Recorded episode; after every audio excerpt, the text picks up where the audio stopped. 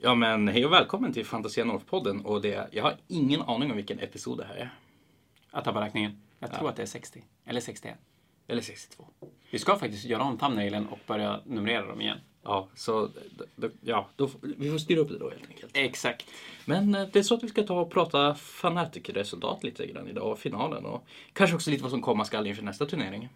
Ja men precis, vi har precis spelat färdigt Karantän Fanatic Edition 2 och har egentligen också lagt ut anmälan för tredje, tredje upplagan också. Så vi tänkte väl som sagt gå igenom resultaten från andra och lite info om det som komma skall med, med tredje också. Om vi har något nytt kul att berätta. Ja. Jag har ju inte någon koll på vad som hände i 40K och jag tänker väl att vi kan börja med den. Det har ju jag. Topp fyran slutade med att det blev Mikael Segerlund, Blood Angel, Marcus Persson, Death Guard, Viktor Bergenholtz, Grey Knights och Jon Borg Harlequins. Och då var det väl egentligen Topp tre var ganska klar. Eh, Det var Jons Harlequins som slängdes in med en 20-0 sista matchen. Där de flesta andra matcher som kunde påverka spelade oavgjort. Det var Space Marines mot Space Marines. Och Space Marines mot Space Marines. Och det var, jag tror att det var 11-9, 10-10. Och det gjorde att han kunde sticka iväg med, med en ganska rejäl seger i sista matchen. Jag är lite besviken på Jon att han inte kom bättre med Harlequins. Jag menar det ska vara den ostiga faktionen som tar och bara rullar över allt annat. Ja, som det- jag förstår det. Ja, så de, de är ju bra, så är det ju definitivt. Men Är det för lite power armor i 40K-metat i Umeå eller vad händer? ja, det är ju mycket power. Det var jättemycket Space Marines. Så är det ju definitivt. Jag, jag tror att Harlequinsen är däremot mer svårspelade än vad, vad folk tror. Och att det blir en sån här lite internetgrej att de går bra i turneringar därför att duktiga spelare som plockar upp Harlequinsen, då, då, då blir det bra. Och därför ser det ut som att det är sjukt bra. De har jättehög win procent. Och det är ju, jag tror att det är en blandning av att det är många duktiga spelare som plockar upp dem. Och jag tror inte att det är jättemånga som spelar Harlequins. För vadå, de har fyra enheter att välja på, ish. Som Fyrslayers. Det är som Fyrslayers.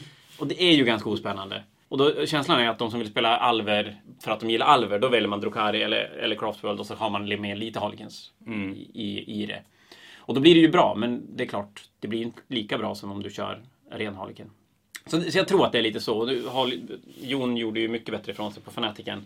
Den sista vanliga Fnaticen fick spela. Jag tror att han är lite missnöjd med, med den här gången. Och då blev det så att Jon fick möta Marcus, så det var Harlequin mot Death Guards i första semifinalen och så var det Grey Knights mot Blood Angel i andra semifinalen. Nu har inte jag kollat så jättemycket, så vi får se sen om vi kanske kommer tillbaka med avsnitt med någon av deltagarna. Men Blood Angel lyckas vinna mot Grey Knights. Och- det är väl inte jätteförvånande Nej, så- egentligen. Som jag förstår så har Grey Knights halkat efter allt mer och mer nu i nya editionen. Så det, det, det är svårspelat. Det är nog faktiskt en av de sämre böckerna, så att Viktor tar sig till en topp 4 är ju ändå bra. Men, men eh, någonstans tar det ju stopp och Blodänglarna gör ju... De, de är ju snabb, de vinner slåss. Och jag tror att Grey Knights vill möta upp dem lite grann på samma villkor. Men att Angel gör det bara lite bättre. Jag hade satt eh, Viktor på pallplats så fick väl hyfsat rätt på den i alla fall. Mm. Ja, men det tycker jag. Nu har de inte spelat match om tredje pris och jag vet inte om de kommer göra det heller. Men ja, det är, och det är väl inte jätteförvånande heller. Han är ju rätt stabil. Men jag tror att bara inte han kika på en ny lista eller att Grey Knightsen får en ny lista, då kan det nog bli så att det blir tyngre och tyngre att, att Ja. ta sig hela vägen. Folk lär sig hantera de grejer som, som Grey Knightsen gör. Och de kan inte göra så supermycket konstiga tricks. Och i andra semifinalen så var det då Death Guard mot Harlequins. Mm, och han hade fått byta lista för den, så jag förstår det. Ja, men precis. Han valde att spela nya boken och fick bygga om listan. Jag tror ju i slutändan att det hade varit bättre att spela kvar med den gamla som han kunde och som ändå hade gått fantastiskt bra. Men jag förstår ju att man vill spela ny. Jo. Man vill spela Mortarion när Mortarion har fått nya fina regler. Och den matchen slutade med en ganska klar seger för Death Guard. Det tror jag. Nu, nu har jag kikat lite grann på den och pratat lite grann mer om. Jag ska inte ta ifrån någon, någonting. Absolut inte. Men tror att Harlekinerna valde lite fel sekundära. De valde sekundära för att möta upp Death Guardsen och försöka döda dem. Och den är så jävla stryktålig den listan så att tricket att vinna mot den, det är ju att inte spela mot den. Alltså inte, inte spela mot den, men att spela runt den. Och att välja, istället för att välja kanske Assassinate, gå in och försöka döda massa karaktärer, så, så väljer man, framförallt för Harlekinsen som är så snabba, då väljer man att kunna åka runt brädet, ta objektiv. Så spela till sina fördelar helt enkelt. Ja, verkligen. Och så är det ju. Vi har pratat med Daniel på vår Competitive 40K-podd massor av gånger nu med, med just det att hastighet är en, en nyckel i 40K. Som det är nu. Och Harlekinsen är ju snabb. Age of Sigma-sidan då. Det börjar ju så att Albert mot eh, William i första semifinalen. Och då var det William, storskrällen. Ja, fast Sylvanen. nästan. alltså, att William tar sig till en topp fyra med Sylvaneth, det, det, det är fan imponerande. Ja, men det var det jag tänkte. Att det är väl ändå en, en Sylvaneth. Men det är lite Grey Knights. Ja. Fast jag tror att det är ännu sämre än Grey Knights. Om jag ska vara ärlig. Ja, typ. Alltså, Sylvaneth är riktigt jävla tokdålig. Det, det roliga är att han också lyckats ge Albert en match. Alltså, det var ju inte alls eh, så en överdriven stomp utan hade gått lite åt andra hållet till Lena och Albert hade haft eh, några dåliga idéer så hade nog kunnat kanske gå. Det var en ganska svettig Albert efter den matchen. Ja, och alltså, det, det, gör det med Sylvaneth, det är fan, det, det, jag är imponerad. Jag hade inte alls tippat han på eh, en topp 4-turnering. Ja, det är all respekt. Ja. Helt klart. Får vi se vad det blir till nästa om han rullar vidare på Sylvaneth eller om det blir någonting annat. Ja, alltså, han har ju en busig Sylvaneth-lista med mycket Colonels Hunters saker han håller på att öva med just nu. Så det. Då stoppar han in lite grejer från Morati-boken. Är det så? Han stoppar in de uppdaterade hajarna. Ja, så är det ja. Precis. Mm, de som gör så att man inte får pajla in den när man blir träffad dem. Jag fick möta det med mina ogers häromdagen. Det var spännande. Ogre ska inte om det. Nej, inte de här tolva som inte får pajla. Det är inget kul. Som bara det enda de gör, det är att de, de ska ju faktiskt bara slå ihjäl saker. Ja, dessutom så hade mina ogers då att de får pajla 60 så det var till och med sämre. Men i, i, i vilket fall, ja, eh, han får ju stryk i den matchen och åker då ner för att spela tredjeplatspriset. Albert går vidare till finalen. Så hade vi då Linus Sjöström, också känd som Tankesai, som spelar sin Arkeon-lista. Som lyckas ta sig till topp 4 och fick möta Theodor.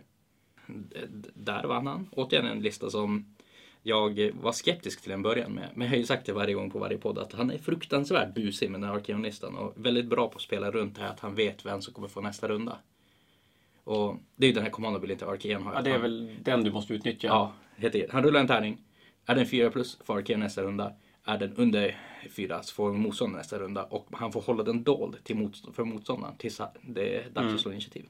Ja, det kan jag tänka mig. Att kan man hantera det på ett bra sätt så, så måste det ge en fantastisk fördel. Ja, och eh, alltså det är också en till lista som jag... Som sagt, jag senare delen av turneringen hade väl kanske satt in den i topp 4 för han hade spelat den så pass bra. Men från till en början så tror jag inte på en topp 4. Det är kul. Skrällar är roligt. Eh, Theodor med Fyrslayers. Det är en så pass stabil lista med Harsgard och grejer att han hade i topp 4. Mm. Så, ja, och sen då så att säga Albert i final mot eh, Tankesai. Eller ja, Linus. Också en fruktansvärt jäkla jämn match. Det såg riktigt dåligt ut för Serafonerna i midgames. Men sen tar åtta stycken kinks, springer in, ställer sig i en Konga line mellan två stycken objektiv och tar så här backobjektiv, objekt, ett av objektiven i mitten och så höll de ett objektiv sen tidigare. Så de tog alla tre så här bakre objektiv. Han höll sitt eget objektiv och bara tog alla poäng två rundor på raken och då spårade riktigt ordentligt för Serafonerna. Arkeon kunde bara kolla på medan åtta skinks. åtta skinks dominerade matchen. Ja, det var. Frustrerande. Så Albert vann turneringen till slut och så, så två Arkeon.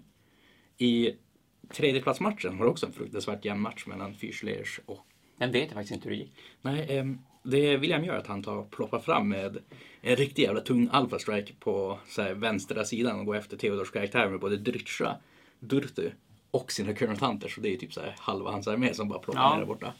Han eh, misslyckas med alla charges och Drytscha dödar ingen i skyttet. Så det började tungt för Sylvanetterna kan jag ju säga. Det låter som att det är färdigt där. Ja, men eh, det gick ändå ganska bra. Hade det han fått någon dubbelrunda tidigt i matchen så hade det kunnat gå. Men Fischlersen är så pass tung och Theodor vet ju hur han spelar den listan också. Så Så man man har inte råd. Och med Sylvaneth då så har man absolut inte råd att misslyckas med de Nej, grejerna verkligen som... Att, och d- han, han gick ju verkligen all in där och den gabben slutade inte superbra för honom. Nej.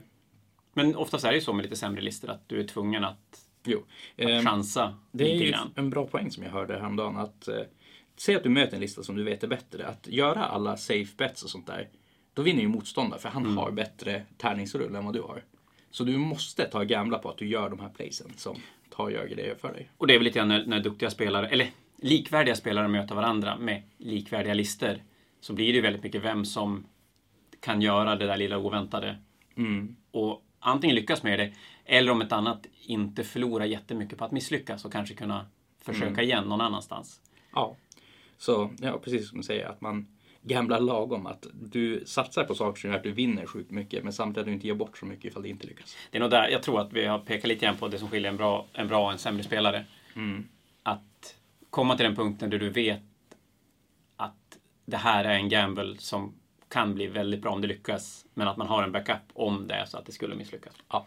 Och någonstans på vägen dit så kommer man väl till en punkt när man faktiskt gör rätt chansningar. Men då när man misslyckas så kan det tendera att bli ganska dåligt. Ja.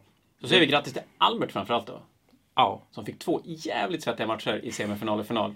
Det var, ja, det var roligt att se. Och ändå är det ju, Serafonerna anses vara så pass bra att alla matcher mot Serafoner som kan bli ganska jämna är ju rätt roligt.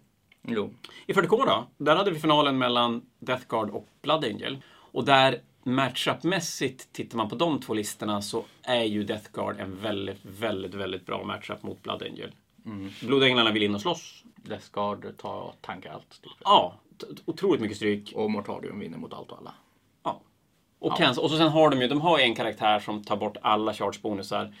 Och Space Marines generellt med Blood Angel framför allt är ju jätteberoende av att få sina bonusar när de chargear, när de får massa extra attacker, styrka och allt vad det nu är.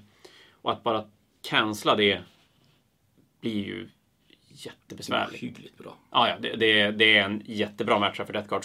Och jag tror ändå att Marcus var ganska segerviss. Men nu har jag inte kikat på matchen helt och hållet. Men någonting hände ju som gjorde att Blodängarna ändå lyckas vinna till slut. Och, och väldigt tight, tight match och en tight vinst i slutändan. Men Mickes Blodänglar gick segrande för andra gången i rad. Blir det ju. Nej. Nej, han förlorade Han förlorade ju mot Grey Knights. Det gjorde han. Han spelade Han tog inte... revansch i alla fall. Jo, men han spelade väl inte ens blodänglar då? Nej, nej. Nu men- menar han, inte, inte armén. Jo, men du sa ju hans blodänglar. Ja, men sluta. Vad spelar han då? Eldar va? Ja, han spelar sina eldar, eller kanske Så Inari. Någonting eldaraktigt. Ja, precis. Så då säger vi grattis till Micke Segelund på 40K-sidan som Mm. lyckas vinna den. Och det var det om, om Karantän Fnatic 2. Ja. Och nu har vi redan gått ut med vända 3. Mm. För som alla vet så att spela, att spela vanliga turneringar nu, det är ju helt... Så är det. Vi hoppas hösten, förmodligen. Förhoppningsvis. Ja, man ska väl inte säga alldeles, alldeles för mycket. Nej. Men eh, som det ser ut nu med att det börjar rulla vaccin och grejer så ser det väl ändå optimistiskt ut kan vi kalla det. Jag tänker mig att vi ska kunna hålla en inom situationstecken vanlig Fnatic till hösten. Och då i samma stil som vi höll i fjol höstas där vi har 50 deltagare max på varje sida. Och så att man har längre mellan borden och försöker hålla de restriktionerna. Ja. Men, men vi får väl se vart det tar vägen. Men oavsett så, så rullar vi Karantän Fanatics under tiden. Och i grunden är det lite grann samma sak Mm. som det är. Men vi, stora skillnaden är väl egentligen att vi...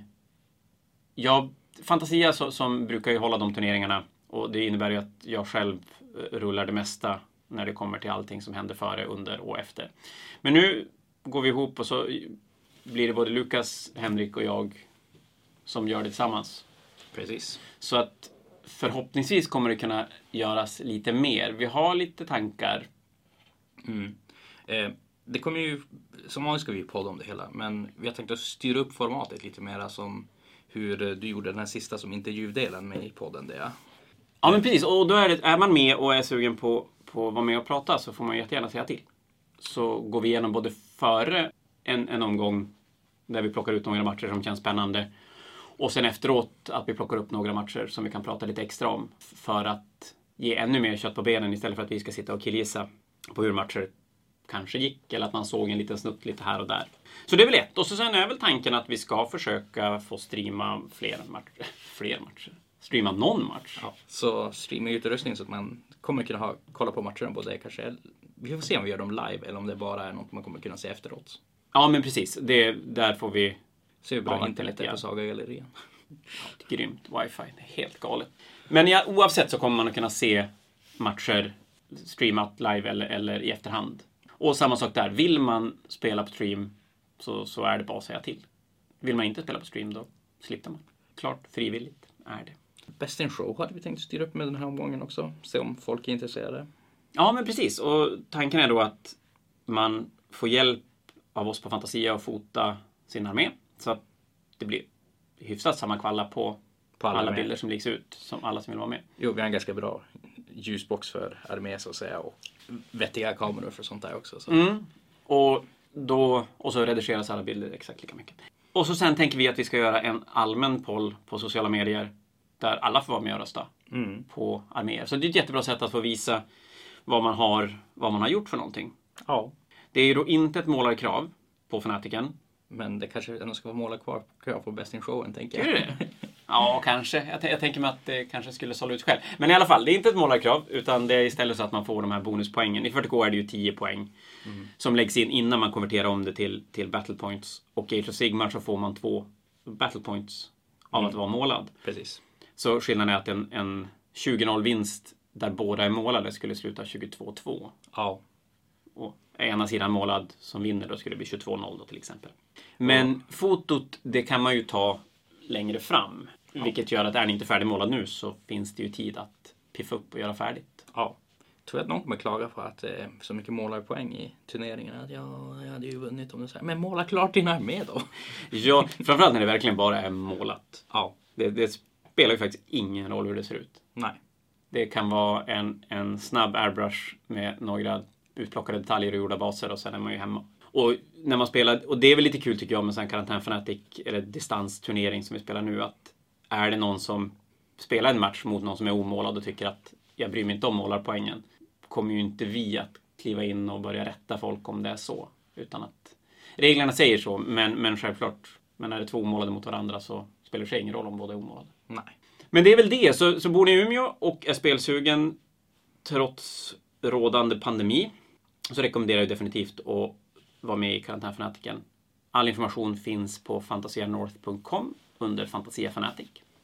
En sak jag måste säga om den också är ju att det är ett svinbra tillfälle för nya spelare. Ja. Typ det bästa. Ja. Du får dina fem matcher utan att behöva på något sätt jaga matcher. Jo, alltså precis. När, när jag började med spela, vad heter det, ja men 40K för, gud vad kan det vara, typ så här 15 år sedan nu eller något sånt där. Ja, för ett bra tag sedan. Så, eh, alltså problemet var att hitta folk att spela mot. Ja. Och det är så svårt att bara hugga tag i någon. Bara, du, vill du spela? Bara, eh, vem Jag vem är vet du? Inte, vet inte vem du är. Och, och, nej, men att skriva på Facebook, visst det är ju... Många gånger funkar det ju, men Det, Det är sen är svårt. lite också samma folk hela tiden om man väl lyckas få matcher. ja. Så att, att få de här fem matcherna garanterat och även se vilka andra som är med så har du bättre koll på vilka som, som skulle kunna tänka sig vilja spela. Och att det inte är någon tids... Vi, vi har ju en sån tre timmars för varje match regel. Men jag menar, är du ny och pratar med din motståndare och tycker att jag är ny, gör det någonting om det tar längre tid så är det väldigt få som kommer att bry sig. Nej, och alltså, vad jag har sett även bland folk som är så nya spelare på Fnatic att alltså, folk, folk blir som inte irriterande. Det är ju snarare att de tar hjälper till och lär ut regler än att, Ja, och ja, det. Och det, det går ju inte riktigt, även om det är väldigt bra stämning på en vanlig turnering också, så går det ju inte riktigt på samma sätt när du har en tidsram och hålla dig och du har en kvart mellan matcherna. Har 40 andra personer i rummet som håller på att skrika samtidigt. Ja, och, och det ska skyndas på och så att, så att det blir ju en helt annan, man har inte tid att gå igenom scenarion. Så att, nej men är, är ni ny så var inte rädd för att vara med och spela och se inte turnering som någonting hemskt, läskigt och väldigt så här tävlingsinriktat utan se det som ett jävligt bra tillfälle att få, Komma in i communityn. ja, Ja, det är ju så att vi fått ett par biljetter då till eh, SM för, eh, vad hette det, Age of Sigmar-sidan.